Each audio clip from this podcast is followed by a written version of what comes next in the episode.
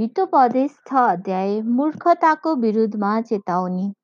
हे मेरो छोरा यदि त आफ्नो छिमेकीको जवानी बसेको छस् वा कसैसँग बाचा बाँधेको छस् भने यदि आफ्नो प्रतिज्ञाको वचनले त फसिस् र आफ्नै मुखको वचनले पासोमा परिस् भने तब हे मेरो छोरा आफूलाई जोगाउन मैले भने जस्तै गर। किनकि त आफ्नो छिमेकीको पन्जामा परेको छस् आफूलाई नम्र तुल्याएर झट्टै जा। र छिमेकीसँग खुरन्दार बिन्ती गर। आँखामा निन्द्रा पर्न नदे र पटल बन्द हुन नदे।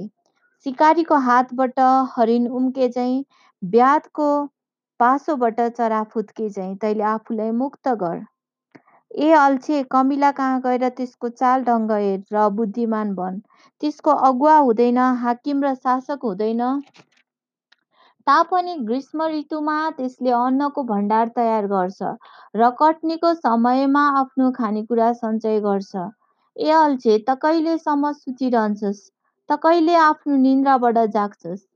छेर्निक सुताइ र उगाइले हात बाँधेर केही बेरको आराम गराइले दरिद्रता त माथि डाकु झै र अभाव चाहिँ हतियार भिरेको मान्छे चाहिँ आइलाग्नेछ।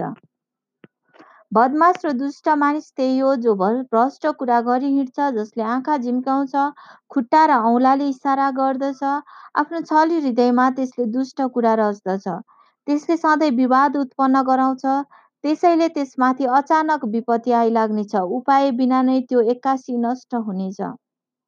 छवटा कुरा छन् जसलाई परमप्रभुले घृणा गर्नुहुन्छ। सातवटा जो उहाँको नजरमा घृणित छ। अहङ्कारी आँखा झुट बोल्ने जिब्रो निर्दोषको रगत बगाउने हात दुष्ट योजनाहरू रच्ने हृदय खराब काम गर्न झट्टै अग्रसर हुने खुट्टा असत्य बोल्ने झुटो साक्षी दाजुभाइको माझमा झगडा उठाउने मानिस। बेविचारको विरुद्ध चेतावनी हे मेरो छोरा आफ्नो पिताको आज्ञाहरू पालन गर। आफ्नी आमाको अर्थीलाई नत्याग। ती तेरो हृदयमा सधैँ राख। तिनलाई तेरो घाँटीमा बाँधिराख त हिँड्दा तिनले तेरो अगुवाई गर्नेछ त सुतेको बेला तिनले तेरो हेरचाह गर्नेछ त जागा छँदा तिनी तँसित बातचित गर्नेछन्। किनभने ती आज्ञाहरू बत्ती र अर्थी चाहिँ ज्योति हुन् र तर्नाको लागि गरिने हप्काइहरू जीवनको मार्ग हुन्। जसले तँलाई अनैतिक स्त्री लोभ्याउने कुरा गर्ने स्वेच्छाचारी पत्नीबाट जोगाउनेछ। तेरो मनमा त्यसको सुन्दरताको कारण कुनै इच्छा नगर अथवा त्यसको आँखाले तँलाई नफसाओस्। किनकि बेस्याले तँलाई एउटा रोटीको टुक्रामा झारिदिनेछ र बेविचारीले त तेरो जीवन समेत शिकार तुल्याउनेछ। आफ्नो लुगा नडढाइकन के कुनै मानिसले आफ्नो काखमा आगो राख्न सक्छ?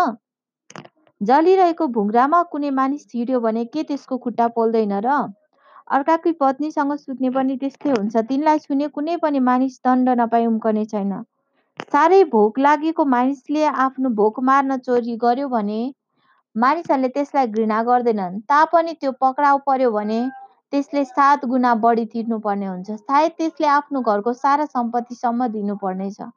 तर बेविचार गर्ने मानिस बिना समझको हुन्छ। यस्तो काम गर्नेले आफूमाथि बर्बादी ल्याउँछ। त्यसले मुक्का र बेइज्जत पाउनेछ। त्यसको अपमान कहिले मेटिने छैन। किनभने डाहाले लोग्नेको क्रोधलाई उत्तेजित गराउँछ। दया माया नदेखाइकन त्यसले बदला लिन्छ। त्यसले कुनै क्षतिपूर्ति ग्रहण गर्ने छैन। जतिसुकै घुसले पनि त्यसलाई मनाउन सकिँदैन।